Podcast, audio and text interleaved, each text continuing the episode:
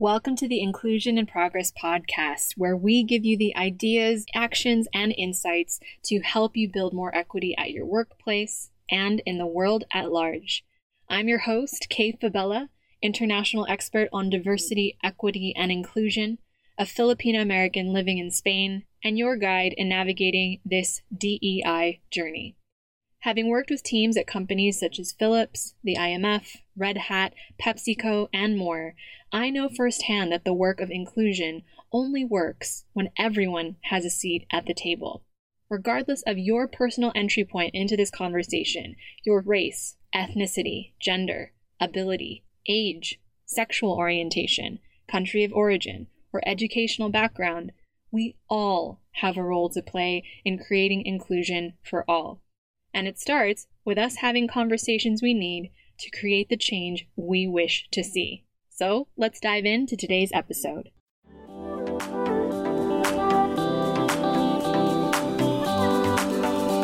On this episode of Inclusion in Progress, we're excited to welcome Leyla Okhai, the CEO and Director of Diverse Minds UK, creating equal, happy, and mentally healthy workplaces through training, coaching, and consultancy. Diverse Mind centers on well being, mental health, and cultural communication. And using her 16 years of experience as a trainer, coach, and mediator, Leyla has developed tools to empower leadership teams. She is also a coach who works with women of color to tackle their work life balance challenges so they can spend time guilt and stress free. I'm excited to have this conversation in particular because being based in the UK and with so many audience members from around the world, I really wanted to dive into what diversity, equity, and inclusion looks like outside of the US focus. And Leyla is a fantastic communicator, speaker, and we really hope you enjoy this conversation. So get a pen and paper ready and let's dive right in. Welcome back to Inclusion in Progress. Today I'm super excited to have Leyla with us on the show. Leyla, thank you so much for being here. Thank you so much. I'm so excited about being here. I'm so excited about being on your show. Oh, I'm super excited to have you. As I was saying to you before we hit record, I was really looking forward to getting Europe and especially UK based perspective on DNI, just because it's a question that's come up quite often as an American who's based here. And I thought, well, yes, I'm really good at the research, and yes, I've had experience, but lived experience is always so much more valuable. mm. Obviously, I love the work that you're doing, and I really can't wait to dive in today. So, thank you for making the time. Yeah, you're very welcome. Absolutely. So I always start off every episode, especially because I know everyone's journey into diversity and inclusion is so unique. there is no linear path that I've found mm. to date. So I'd love to hear how you got started in the work that you do and tell our listeners a little bit more about you and the amazing work you're up to. Thanks, Kay. So it's interesting, isn't it? Because we have had this discussion before around how many of us born into this work inadvertently, or we do this work because of the disadvantage and the lack of inclusion and the lack of respect and understanding we face on a daily basis from the playground to the workplace. I talk about this a lot. So yes, I guess it's been a really key part of my life. Might not be American now, but I was born in the US and then I moved to the UK when I was nine. And my cultural context took me a long time to understand what British was. It took me a long time to understand that framework. And actually, I felt more at home with American people. In some ways, I still do. I understand not every aspect of America because it's so vast, but for me, I, I do understand, I do feel an affinity with parts of American, African American, diaspora American cultures. And so I only really started to feel British British when I did a, and this will make you laugh, when I did something called European Voluntary Scheme, which is an EU funded program. Goodness knows how long that's going to be around for anymore. I'm in Barcelona, and I'd never felt so British in my whole life. So, like, what I noticed was I was getting really angry when people didn't queue properly. Like, people thought I was really weird for drinking tea, although I wouldn't say tea is a British thing. I think it's an Indian, Indo Chinese thing, actually, of course. But we won't get into that right now. But yeah, people would find it hilarious that I would drink tea. I found it it really weird that people didn't have a kitchenette in the workplace that you go out and you get a cup of coffee and bring it back. It's just weird things. And I felt really culturally isolated, even though I spoke Spanish to quite a good level and then at university so I, I, did that after i was at university i did a lot of work with the student union and i was elected as a student union officer which is something i don't know what would be the equivalent in the us but I did a lot of work on diversity and inclusion, particularly getting Black and Asian students to talk about their lived experience and what the university could do differently. Went to Spain, came back. I then worked at the University of Oxford for six years. My first three years was a specific project, widening participation. So, getting it was black, primarily Black Asians, pupils of colour, to think about Oxford, Cambridge, and the elite universities in the UK. And then I did three years as the university's first race, religion, and belief policy and project officer. And then I went on to be the head of the Equality, Diversity and Inclusion Centre at Imperial College. But interestingly, my background is science. So I did a science degree and I do really, really love science. But I think the thing was at the time when I graduated in 2003, there was lots of Labour money. So we had a Labour government in place and there were lots of initiatives and things that were going on. And I was really excited by it. And there was a lot more opportunity then, sort of more embedded than there is now although interestingly with this waves of black lives matter i've never seen so many diversity and inclusion jobs in corporate. Right. So, so that's a little bit yeah that's a little bit about my background. So i've always felt like an inside outsider. I love that inside outsider term I know you and I have spoken when we first connected about this idea of we have multiple identities, and multiple identities gives us multiple entry points into the conversation where we don't fit in one box or the other. And your story is such a perfect example of that. I also, to your point though, about being in Barcelona and not really understanding things, that was kind of my experience when I landed in Madrid. Like, wait, what is happening? mm-hmm. So I deeply identify with that. But I also just love that hopefully listeners and and this is something that goes across the board for everybody who's been on the podcast so far that there really is no one way into this work. And I think it's really important to remember that lived experience gives you insight, but obviously there's there's always going to be a personal inclination and a desire to really just double down on on showing up in the way that utilizes your skills and and really just allows you to use the best of you to move causes around inclusion forward and and I love I love all the different threads to your story and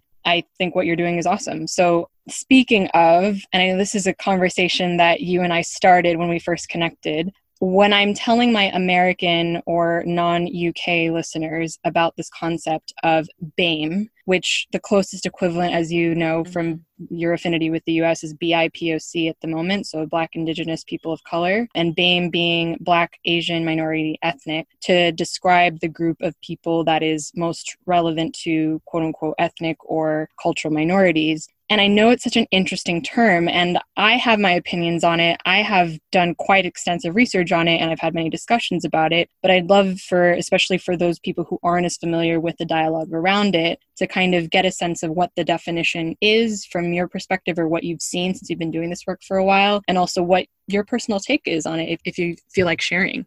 Yes, so this has become a real hot topic, this BAME, this acronym stroke acronym word. So, black and minority ethnic, or black and Asian minority ethnic, some people also say BAME stands for. It's kind of been the default. It's been this, and I don't feel it's as inclusive or positive as BIPOC because, of course, in America, you do have Indigenous peoples. In the UK, there are Indigenous peoples, but they're generally not disadvantaged. So, it's not like First Nations or Indigenous peoples. Now, really interesting, I just saw something this morning that John Amici had put out on his LinkedIn that said BAME is no, and I do agree with him. He was like, BAME is just, it's not helpful because all you're doing is you're lumping all quote unquote non white people together and not looking at the different nuances. And if we think about what's happened with COVID, particularly in the UK, and I know in the States it's the same, actually, I don't know about the rest of Europe in terms of diaspora communities and communities of colour.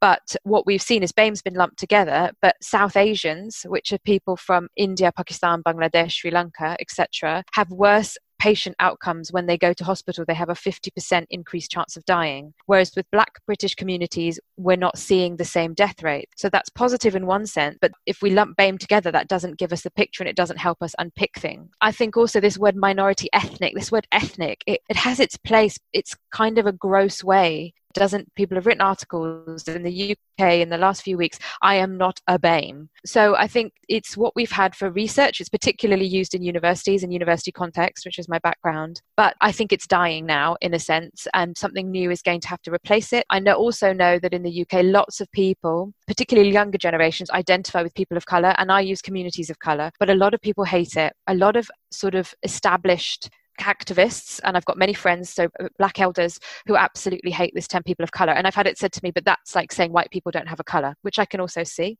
A lot of Asian, younger Asian people refer to themselves as brown, and a lot of older Asian people really, really hate that term. So it's going to be interesting where this conversation goes. I do think BAME has probably had its day. I also really don't like non white. We shouldn't be using that. I know I did use it, but to put maybe something in context or to correct something. What the term should be, I don't know. How the term is going to be developed and how we're going to get it used in wider parlance, I don't know either. But we've started that journey now. It's that whole thing, isn't it? That cliched phrase of the genie won't go back in the bottle. Now we've started to have this discussions.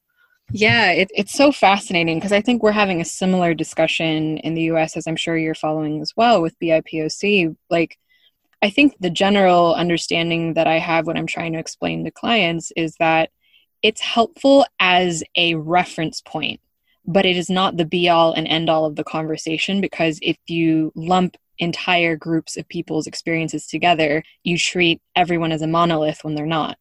And I mean, the fact that you even mm-hmm. pointed out the different statistics and how COVID's affecting different populations within quote unquote BAME in the UK is a perfect example, right? So I think it'll be really interesting to see how language evolves. I know, especially you having been in diversity and inclusion for some time, have probably seen different ebbs and flows in terms of what language is used and, and what's happening. But it's really fascinating to see that the conversation around something that was so established but never established for the right reasons it sounds like is now being challenged and kind of reinvented in a good way. Is that what i'm hearing Yes, I really like the way you phrase that. So established, but not necessarily for the right reasons or good reasons, or that whole phrase about nothing without us, nothing about us without us. And I think it's been about us, but without us. So now finally, maybe that with us is there. Like I said, I hope it was going to be moving in the right direction. But also, the other thing about the UK is because of the way, very, very different to America, we speak English, but we don't have a direct language. It's not direct like it is in the USA. So the way in which English people speak English is very coded. It's very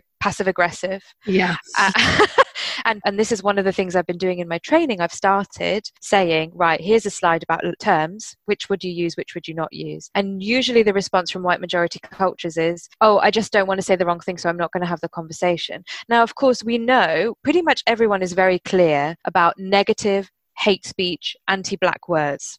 But I think if we were to say something clumsily, so if I said to an elder, communities of colour and they said to me, Can you not use that? I'd say, I'm so sorry, I won't do it again. But would that stop me from having a conversation with that elder? Probably not. And I think if people use it as a smokescreen, it's desperately unhelpful. And I've also said to people, you know what, you might be a bit clumsy, but what you can say is, I'm used to using this term. So I'm used to using this term BAME when I talk about health research. Are you happy for me to use this or would you like me to use a different term? And someone will tell you and then if they say okay i see where you're coming from i don't really like it but for the purposes of you explaining your context on this that's okay but in future i think we need to use a better term. You can still have that dialogue and you've not said quote unquote the right thing but you've not been derogatory or offensive. You've given it some context. You can still have that conversation. So i think yeah we're on a road and i think another thing people do is they say oh but the terminology is changing so quickly. I really don't want to offend. But if you dance around it and you sort of go oh, you know, people with um, tanned, uh, darker skin, that's just worse, isn't it? but some people think that's okay, but it actually just makes it desperately uncomfortable. Yeah, that's a really great point, actually. It, I was on a panel recently with other colleague based here in Europe talking about diversity, equity, and inclusion. And I said, in terms of conversation, I think we're having very similar conversations in the wake of the global anti racism movement. But I would say that the added, slightly added benefit in the US versus the UK is that we are capable of being more direct in our conversations. And like you said, there's less I guess, dedication to politeness or kind of mm-hmm. upholding a certain sense of order or decorum in conversations, especially within a corporate setting. Would you agree? Yeah, I really think so. I mean, I haven't worked in America for, I haven't ever worked in America directly. I've worked with American colleagues, but I just feel that there's all this yeah, yeah. I don't know if you've seen, have you seen this grid? There's this famous sort of grid that does the rounds every now and then. It's like what the English say, what someone who's non-English hears, and what the English really mean. So it's things like that to share with our yeah, listeners. Yeah, yeah. it's like, oh, it's awfully good. Now, does that mean it's awful? Does that mean it's good? It actually means it's quite good. Or it, what another example is on that. I think on that grid is like, oh, um, it's not bad. So this piece of work is not bad.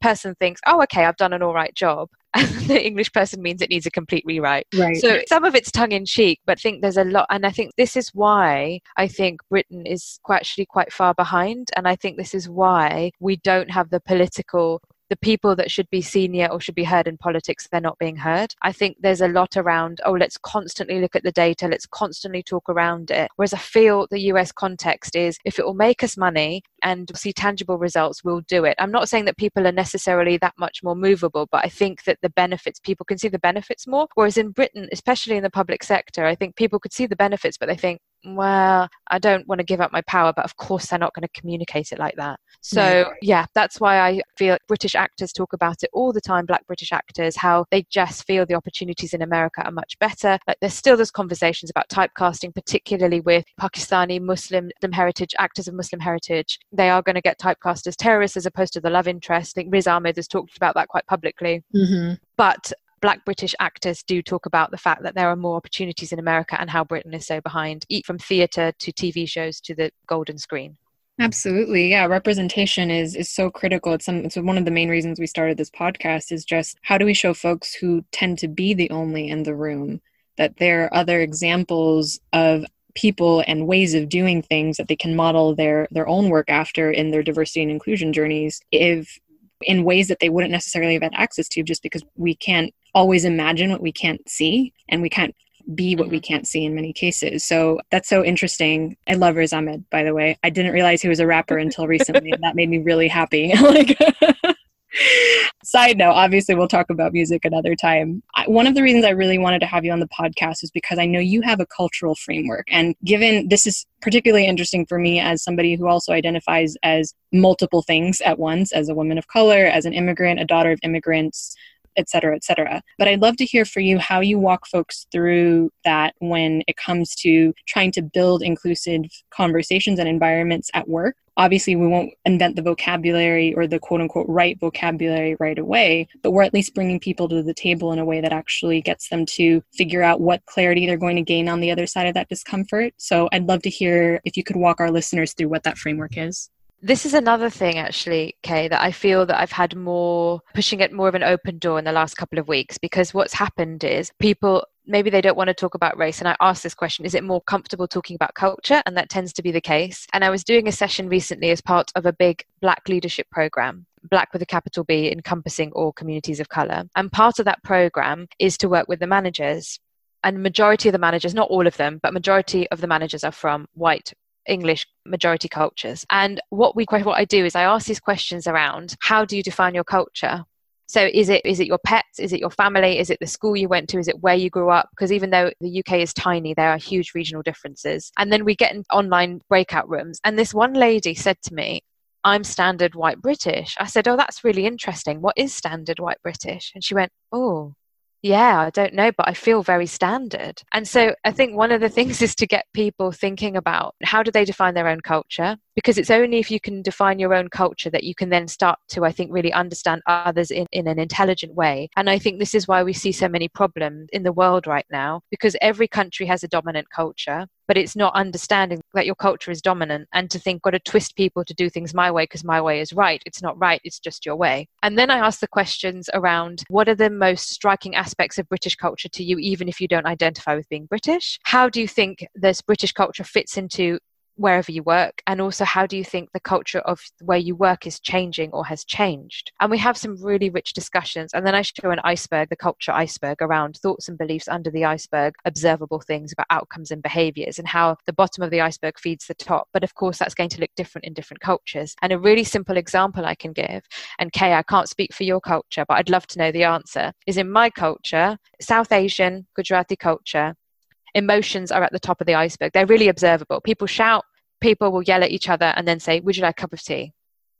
Would you like some chai? Would you like some snacks? Love that. And they, and they kind of get over it, but it's like, Fine, I'll have a cup of tea and we'll pick up this slanging match later. In white British culture, especially in the workplace, the emotions are through, excuse me, through pursed lips, through looks. So you can never really ascertain what that emotion is, or I can't anyway but so they're under the surface, but the tangible outcomes might be you don't get invited to meetings, or someone leaves you out of something, or you don't get a promotion in extreme circ well, maybe not even that extreme circumstances. So all of these things, and I get people to think about their personal cultural iceberg, the workplace cultural iceberg and maybe particularly we have a large community of Southeast Asian Chinese students in the UK. If they're working with, and again, China is an enormous country, you're going to have regional cultural variations. But if people can then think about how they might be assuming certain things about their students and how their icebergs might look different. Do they want to do that with their students? Do they want to do that with their staff teams? And that's, I think, helps. And then we can start the conversation about race.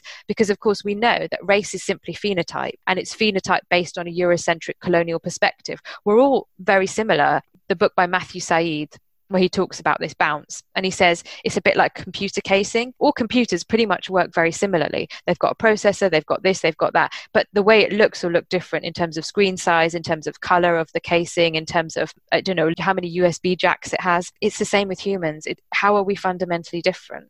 We have same biological processes. We have you know what i'm trying to say? So yeah. i think that's the way that I've been doing that. And I've been doing that for a number of years, but I feel now that maybe people are more willing to engage in that conversation. And it's quite scary for a lot of people to not really, really, they have never considered what their culture is or might be. And so it's actually quite a journey that people go on.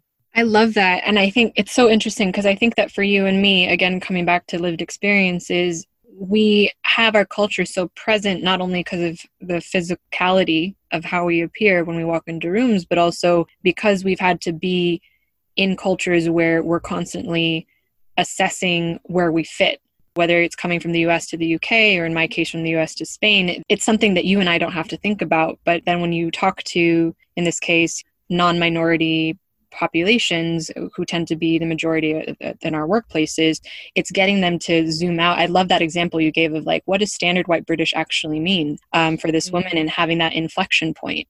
And I think that if more people sat in that for or zoomed out in that way, it does lend to much more conversations because then it requires you to look inward to what your different layers are to then approach the conversation from a place of here's where I am, here's my place of self awareness, but also here's how I can engage with you from a desire of understanding and not from a place of, but what you're saying and what I'm perceiving, I'm going to react to it, to that, what I read. So I love that. And I love the iceberg example. It's one of my favorites. And now you're getting me to think about my culture and i'm like i don't know i feel like i feel like for filipinos and maybe this is something we've inherited from we've basically as i've shared on the podcast we had 300 odd years in a spanish convent and then 50 years in hollywood just back to back colonialism so we're still mm. trying to mm. figure out what our identity is but i would say in terms of i think we're all very happy and very positive but there's maybe not to the degree in the UK, but there are still layers in terms of emotions. And so the, the kind of default emotion is be happy. And that's so funny. But even that pausing moment, it just goes to show you that even in our own work and even as people who have lived experiences, and I want to circle this back to listeners who are tuning in, you know, those of us who are practitioners who've been doing this work, we still have to constantly learn and unpack what makes us who we are. We have our biases, we have our prejudices, we have our cultural filters. And as language evolves and as we learn and do better with every iteration of social movements and political movements, etc., and the work that we're doing towards inclusion, we still have to unpack our own stuff all the time. mm, mm, mm and it's inter- it's interesting you saying about Filipino culture. So one of my one of my really good friends growing up, they were a Filipino family, and the mum Marilyn, she was the most amazing flamboyant person. She had her own business. She would sell the goods from the Philippines, baskets, clothes, and I remember her being very very happy, very colourful. So that's kind of my small slice of remembering sort of that family and their Filipino culture. I love that. Oh, it's just I love how many entry points we have of just like feel like we've been living parallel lives, Leyla. This is definitely not going to be our last conversation.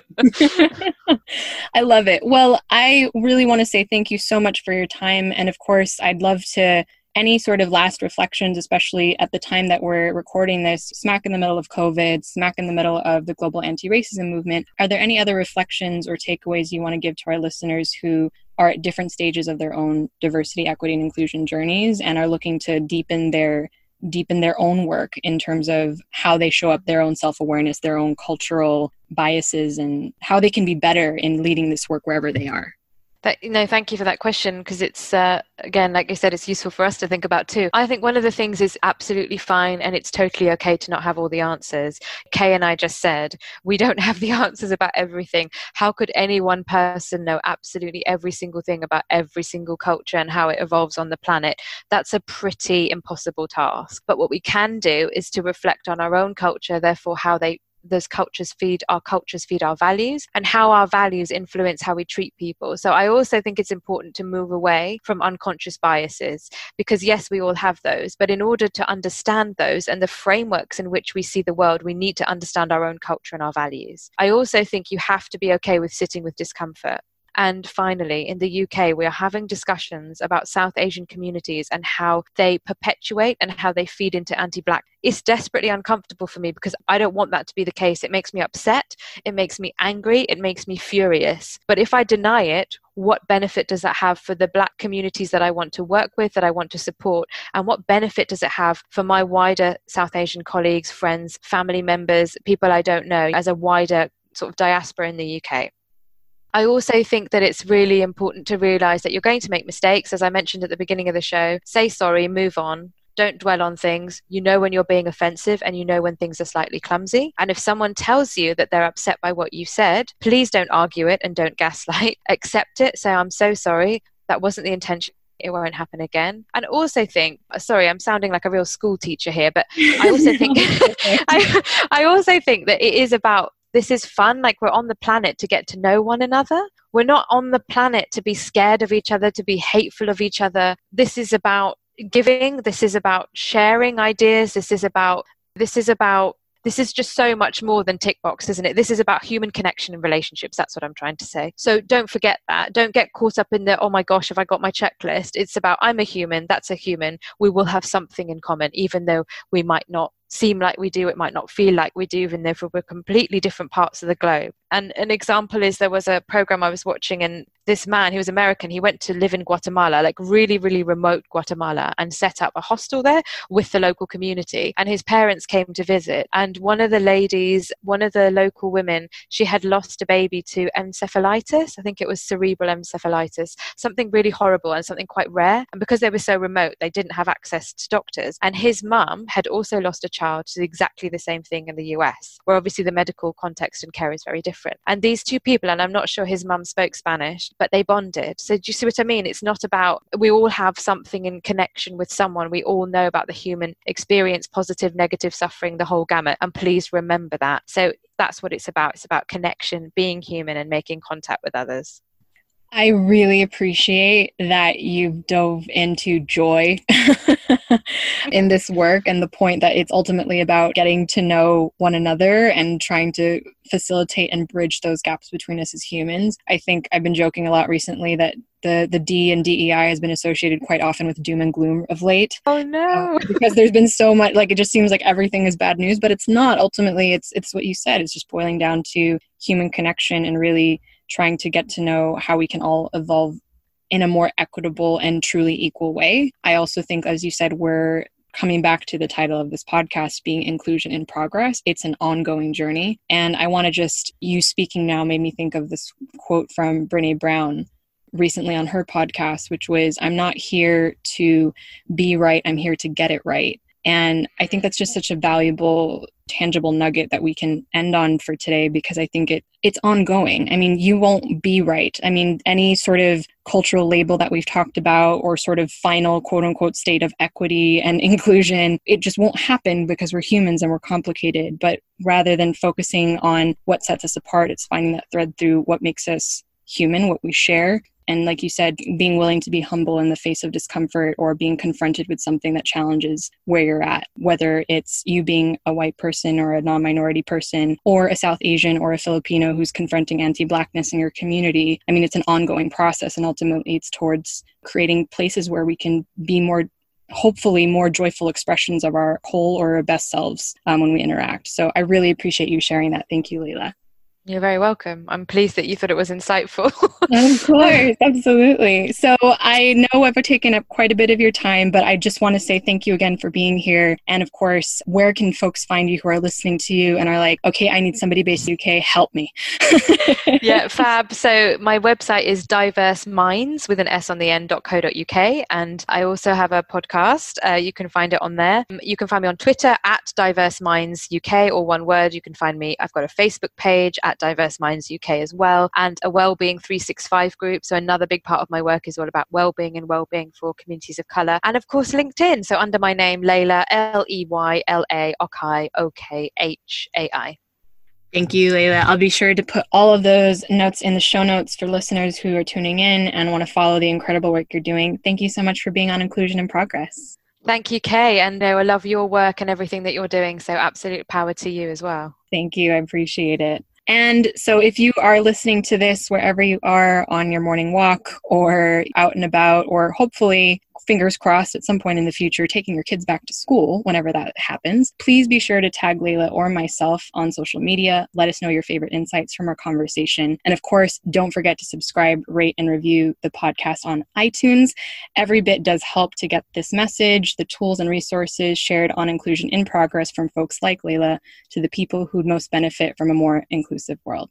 Thanks again for tuning in, and I'll see you in next week's episode. Take care.